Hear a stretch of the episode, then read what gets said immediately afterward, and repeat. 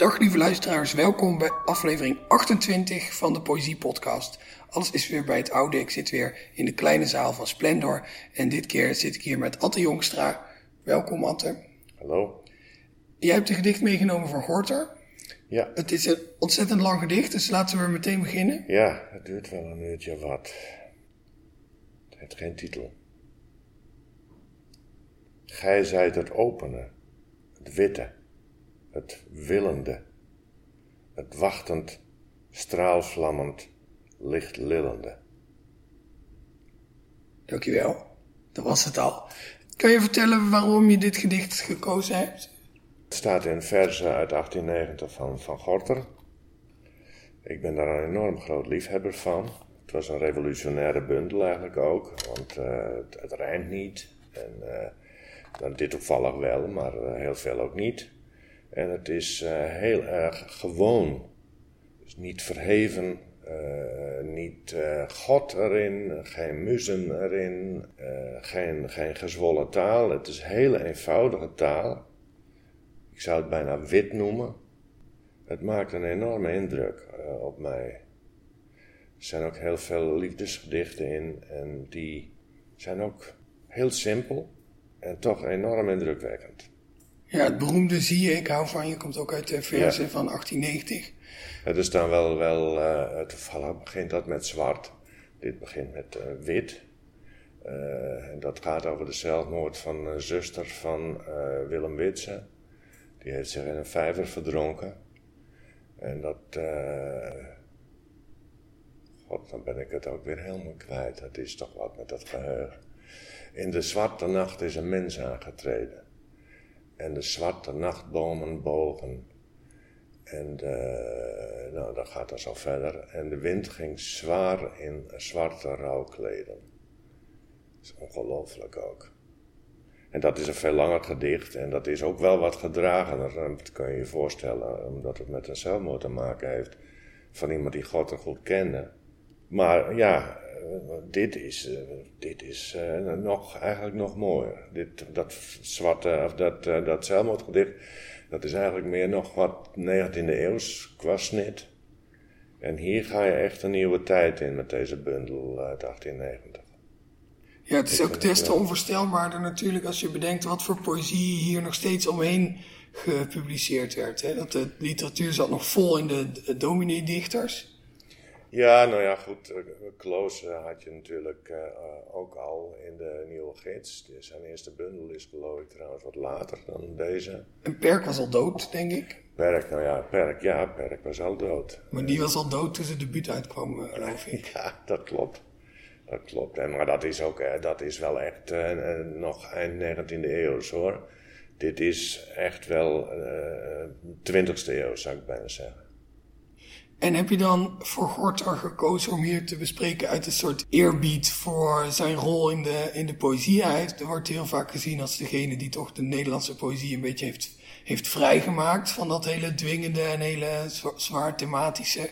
Ja, of is het... speciaal in, in deze bundel, ja. want de mei is, uh, is ook veel, veel gedragener nog. En, uh, dit was ook in zijn uh, dichtkunst wel een revolutie, dit boek. Maar in de, in de poëzie zeker, ja. En is het dan ook zo dat je een soort, soort verwantschap voelt tussen Gorter als dichter en Atte Jongstra als dichter? Of uh, ga ik nou te ver? Ik heb, ik heb dit ge genomen uh, omdat het, het wit hier zo'n rol in speelt. En ik had uit mijn eigen bundel ook een wit gedicht genomen.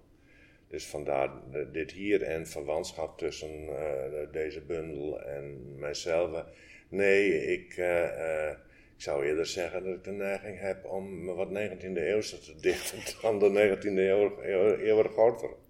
Maar dat is misschien anno nu wel net zo revolutionair als wat Gorter hier gedaan heeft. Maar dan zo'n beweging terug. Dan een reactionaire revolutie, ja. Ja, ja dat zou kunnen. en de mei ben ik eigenlijk helemaal geen liefhebber van. Maar dat was, is ook een beetje omdat iedereen het er altijd over had uh, toen ik nog Nederlands studeerde. Maar dit, deze bundel, man. Ik, ik, lees het, herlees het vaak. Ik kan niet zeggen dat hij nou zo vreselijk veel invloed op me heeft, uh, op mijn eigen gedichten. Maar uh, niettemin, ik hou er enorm van. Ja, het is echt verbazingwekkend uh, hoe die daar, hoe die daar ineens mee, mee op de prop eh, kwam. Ja. Ook het een beetje loslaten van, van gewoon eh, reguliere grammatica. Dat zit dan misschien ook niet zo in dit gedicht, maar wel in andere gedichten. En, en... Ja, die, uh, die, de 19e eeuw dacht natuurlijk, uh, dit loopt voor geen, voor geen centimeter.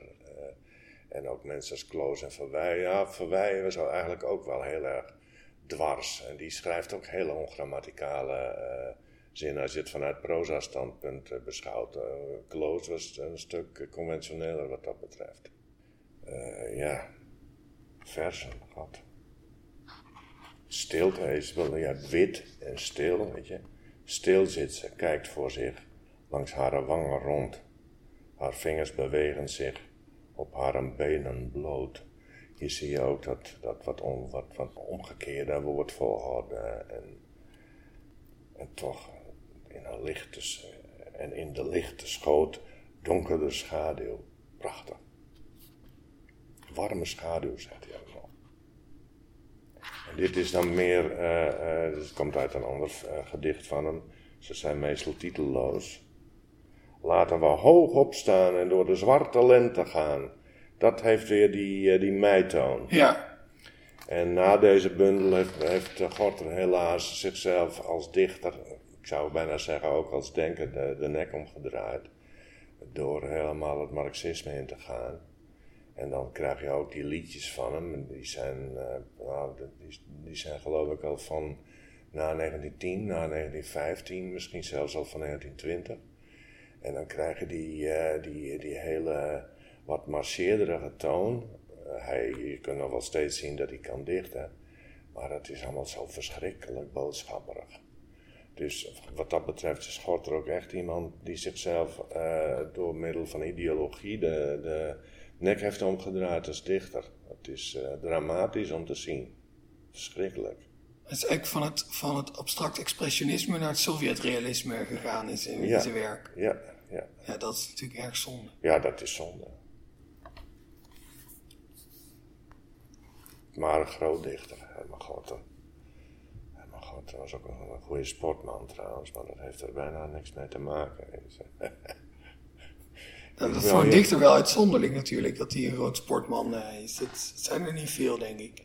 En nou, Kloos, dat was een enorme hout aan Klaas natuurlijk. Ja. Er is wel eens beschreven hoe hij aan het strand stond met een beetje x-benen en zo'n hele lange, uh, verdwaasde man met een wilde kuif die eigenlijk het water niet in durft. Het, het is een, een onvergetelijk beeld. Trouwens, het meest onvergetelijke beeld, maar dat heeft niks met Nederland en uh, dichtkunst te maken. Dat is, uh, dat is een fotoserietje bewaard gebleven van Toulouse-Lautrec. Nou, dat was een, een, een ongewassen, uh, mismaakte dwerg, die man. En die, die op die foto's is hij bezig een drol te draaien op een volstrekt leeg strand met een hoed op, een bolhoed op.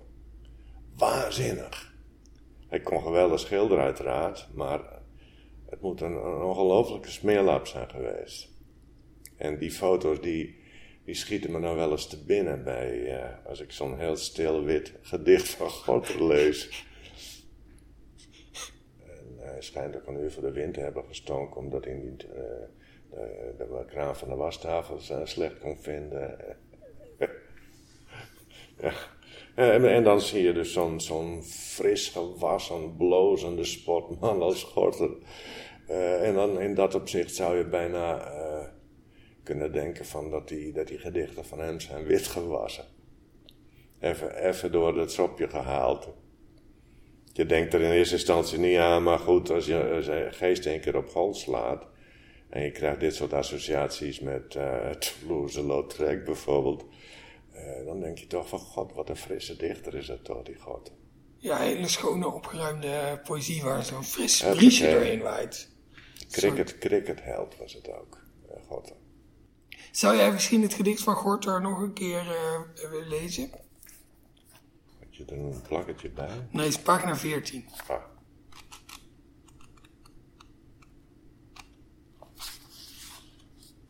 Gij zijt het openen het witte, het willende, het wachtend straalvlammend, licht lillende. Dat licht lillende, dat is, uh, gaat bijna iets erotisch vanuit, vind je niet? Maar ook voor een, voor een heel raar woord eigenlijk, als je er naar kijkt, is het wel ook heel duidelijk. Ja. Wat hij, er, wat hij ermee bedoelt. Lichtlillende heeft natuurlijk aan, e-, in eerste instantie uh, lillen, van vlees, weet je wel.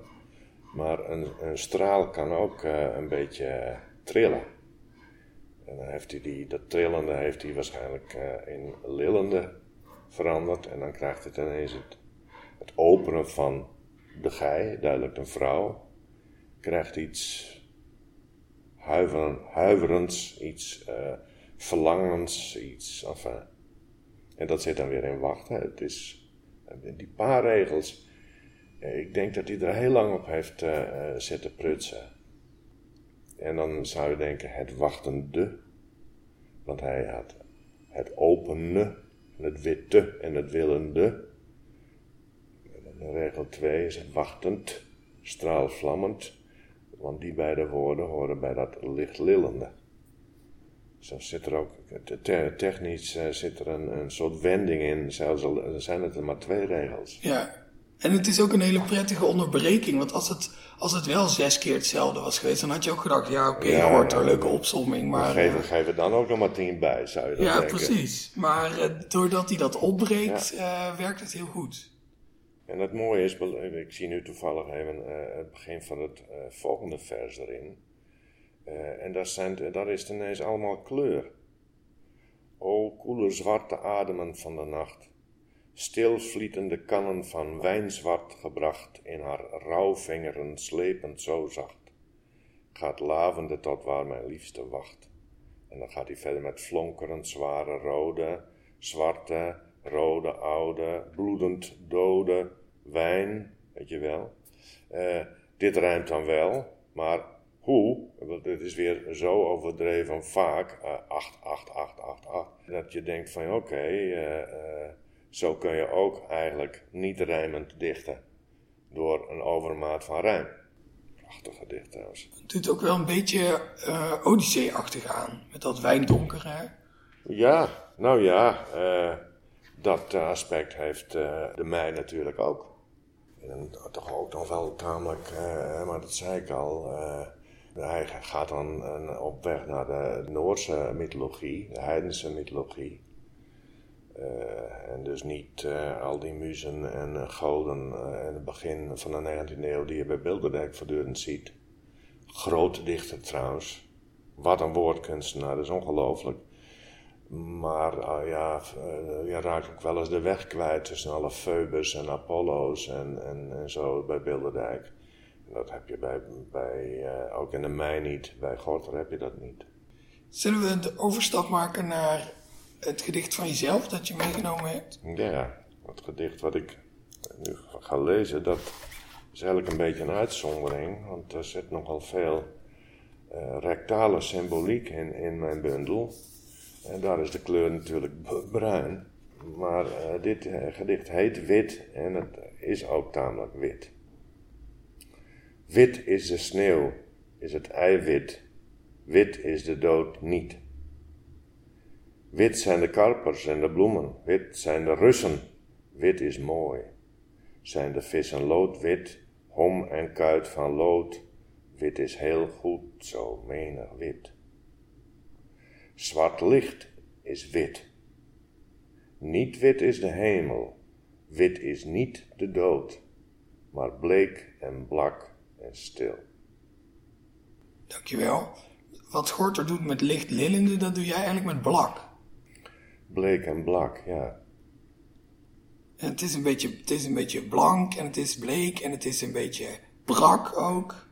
Ja, ik ben dus op een tentoonstelling geweest in Fort Asperen. Dat is zo'n oud uh, fort van, van uh, de waterlinie. En daar had, um, god jee, het ze alweer, die, die kunstenaar, Monique heet ze, dacht ik. Die had daar uh, de hemel verbeeld op het dak van die bunker. En dat waren allemaal witte stoelen. Wel eetkamerstoelen, wit. Allemaal wit. En toen dacht ik, toen ik daar stond, dat is al heel erg lang geleden hoor, dat heeft niks met dat gedicht te maken, ik denk er nu aan. Toen dacht ik, de hemel wit, zou nou de hemel wit zijn? Dus toen uh, maakte ik op een gegeven moment uh, voor in Enschede voor het Rijksmuseum Twente de tentoonstelling Paden naar het Paradijs in 2013. En dat waren de paden naar het paradijs, maar ik had ook het paradijs in die tentoonstelling op een manier verbeeld. En ik dacht daar, god hoe vreselijk vervelend zou het hier zijn. Wat, wat moeten mensen zich vervelen als altijd, altijd goed en gelukkig. En hè, het, hetzelfde soort zoutloze verveling eh, die je eh, voelt bij die, bij die blijde christenen, uh, Nieuw Testament mensen. de hemel is goed en, en, en, er gebeurt niks kwaads en dat soort dingen. Je moet ook denken aan Heaven van de Talking Heads. Ja, dat ken ik dan weer niet. Ja, daar zit datzelfde gevoel Alles is leuk en het is zo verschrikkelijk saai. Ja, dus ik had voor die tentoonstelling toen allemaal clubs bedacht. Uh, een schaakclub en een filosofieclub en uh, toneelclub. En je moet al wat doen om de verveling te bestrijden. Nou, dat gevoel zit hier ook een beetje in. de hemel is niet de dood. Dat, wit is niet de dood. Uh, nee, de, de dood kan verschillende kleuren hebben.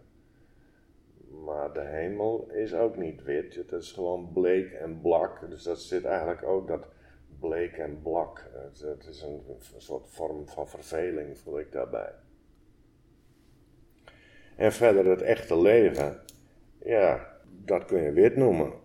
Het bloed heeft ook een andere kleur als in je lichaam zit. Het wordt pas rood als aan de lucht komt.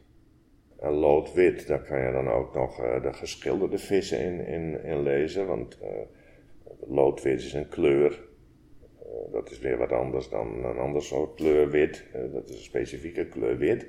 Ze zweven, maar deze zijn dan weer loodwit, dus het lijken wel zinkvissen. Enfin, je kunt er van alles bij voorstellen. Dat zwart licht wit is, nou, wie weet. Maar er zit wel het zwart en het wit in.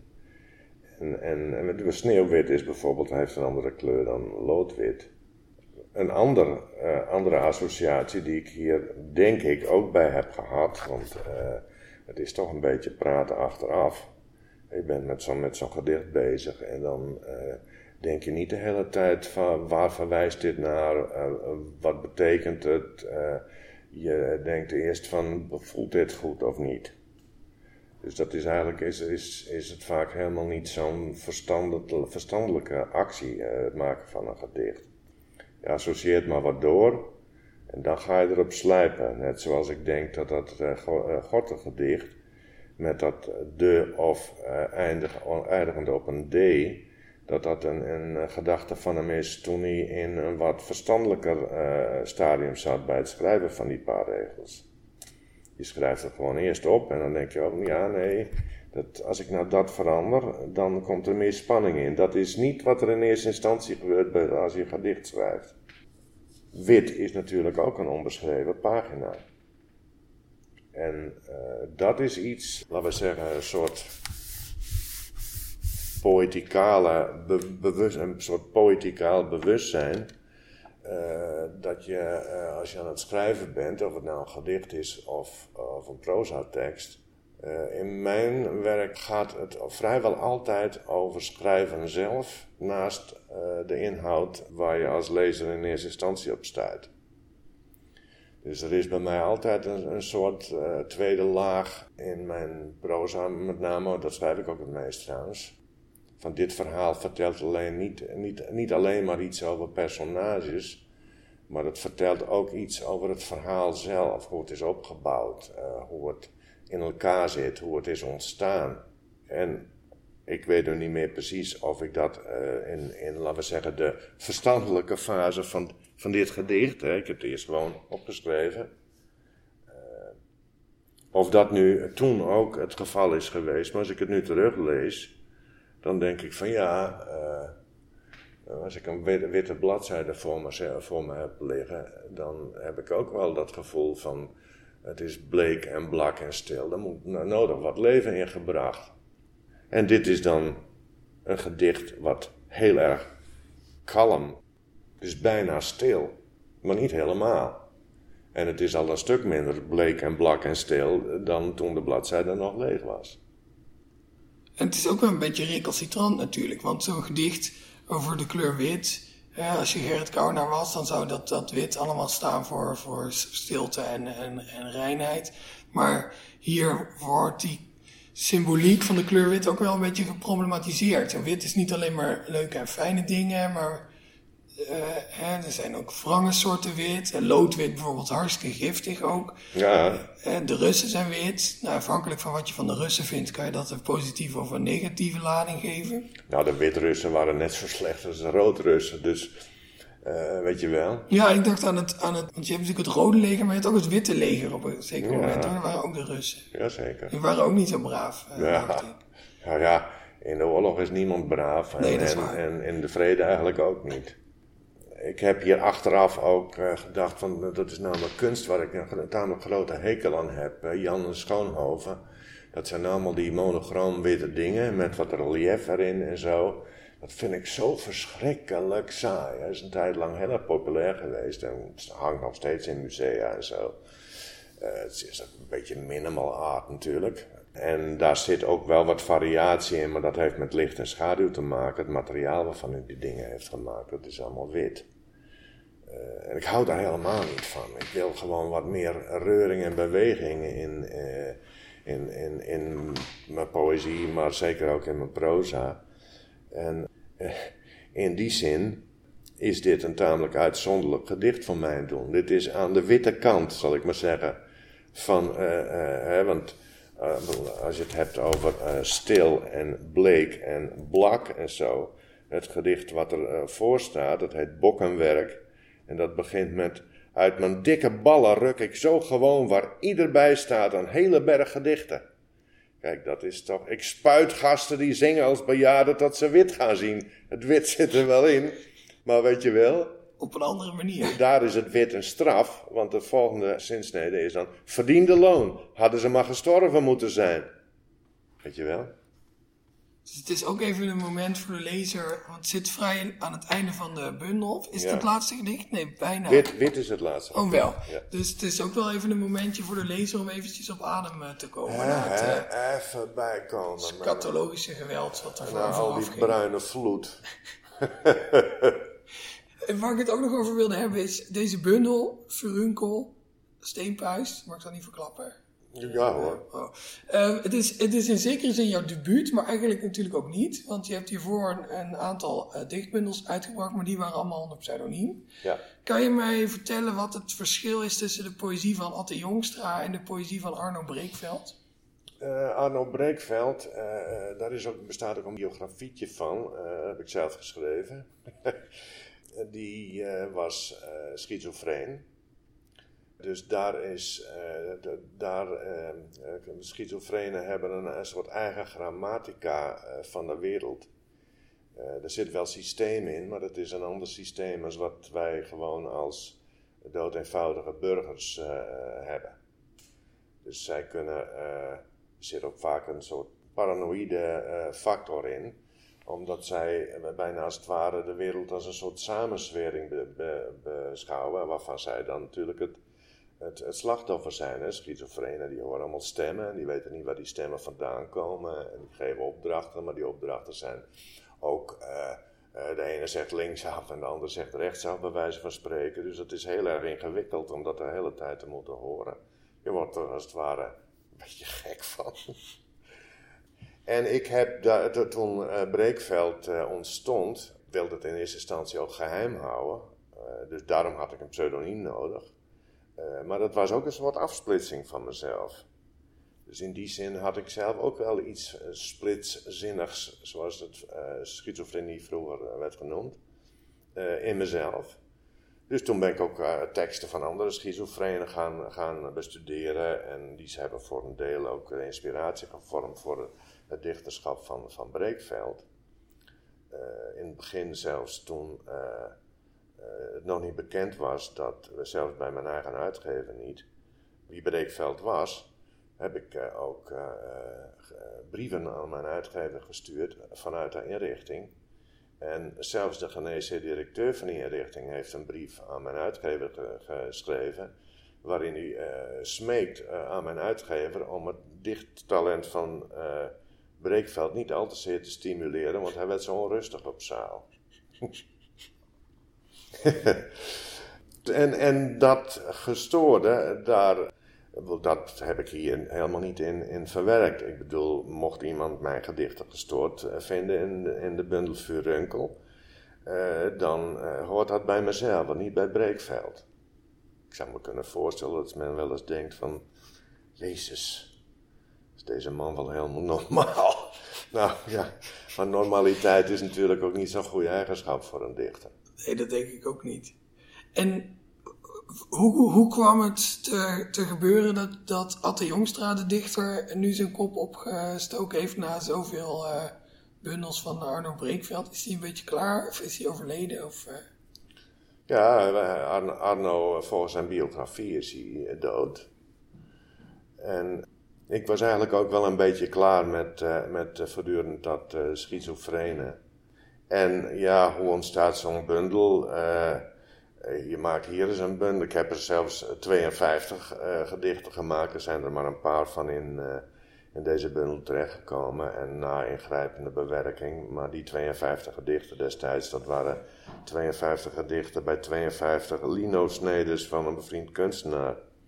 Dat is toen in een map verschenen en niet in een bundel aantal daarvan zou ik ook niet zo snel in een bundel zetten, omdat er te veel verwijzingen naar het kunstwerk uh, in zaten. En dan zou je alweer een, een bundel met die 52 kunstwerken, et cetera. Uh, en dat is dan weer begrotelijk in de huidige uh, moeizame literaire periode als het gaat om verkoop van dichtbundels en geld en, en, dat soort dingen. Dus dat is dan eigenlijk een boekje wat te duur wordt. met die Linus Neders erbij, want die zouden dan eigenlijk ook in kleur moeten, weet je wel. Dus zo zijn er een aantal afgevallen, er staan er nog een paar in. Maar die past eigenlijk ook heel goed bij de gedichten die ik daarna heb gemaakt. Voelt het ook als een debuut, deze bundel? Nou, weet je, omdat een aantal gedichten in de loop van de tijd zijn ontstaan, uh, is, dit, is dit niet een, een, een bundel waarvan je denkt van oké, okay, donk, weet je wel. Uh, dit is mijn, mijn nieuwe leven als dichter. Het heeft nogal, nou ja, echt wel een jaar of tien geduurd voordat al, al die gedichten klaar zijn. Ik vermoed ook niet dat ik de eerste, uh, het eerste jaar nog weer een bundel ga, ga produceren. Daar heb ik trouwens ook geen tijd voor. ik, ik moet, ben nu weer bezig met een roman. Uh, die gaat volgend jaar verschijnen. Dus, uh, weet je wel. Dus in de toekomst kan er natuurlijk altijd weer... De, de dichter Atte Jongstra is nu wel opgestaan. Nou, die, uh, die, dat gevoel heb ik wel, ja. Wonderlijk genoeg zijn er alleen maar recensies uit, uit België over uh, deze bundel. Maar heel lange, gravende gedichten, uh, of recensies, bijna essays. En het prettige van die, van van die stukken daaruit uit België, dat is dat ze eigenlijk aan mij uitleggen wat deze bundel met de rest van mijn werk te maken heeft die zien daar uh, lijnen in uh, waar ik zelf gelukkig van werd. Het was dus kennelijk niet een of andere losse flodder die ik in deze bundel, maar dat zij, zij schakelen dat moeiteloos aan, aan al mijn romans en essays. en dat, ja, dus kennelijk klopt het toch. maar het is goed. Ik ben wel eens gewaarschuwd door door een vriend die zei van kijk uit dat je niet te goed uh, in de gaten krijgt wat je aan het doen bent. Nou, dat heb ik dus in dit geval uh, ook niet gedaan. En aan mijn anderen eh, leggen het me wel uit, heel plezierig. Heerlijk ontspannen. Ja, oh ja, jee. Oh, niet aan gedacht. Dat soort reacties had ik. Zou je voor ons het gedicht nog een keer willen lezen? Wit. Wit is de sneeuw, is het eiwit. Wit is de dood niet. Wit zijn de karpers en de bloemen. Wit zijn de Russen, wit is mooi. Zijn de vissen loodwit, hom en kuit van lood. Wit is heel goed, zo menig wit. Zwart licht is wit, niet wit is de hemel. Wit is niet de dood, maar bleek en blak en stil. Dankjewel, Atte Jongstra. Dit was aflevering 28 van de Poëzie-podcast. Die wordt gemaakt door mijzelf, Daan Doesborg, in samenwerking met de Stichting Literaire Activiteiten Amsterdam en Vrij Nederland. We zitten hier in het prachtige Splendor, waar ik deze podcast altijd op mag nemen. Bij deze podcast heb ik ook een artikel geschreven waarin de besproken gedichten terug te lezen zijn en nog meer leuke weetjes over Atte Jongstra bijvoorbeeld. Uh, dat kunt u vinden op de site van uh, Vrij Nederland. En uh, als u deze podcast luistert in een van de vele podcast-apps, dan staat er in de omschrijving een link naar dat artikel. De muziek bij deze aflevering, die ongeveer nu wordt ingestart, is gemaakt door Bart de Vrees. Graag tot de volgende keer.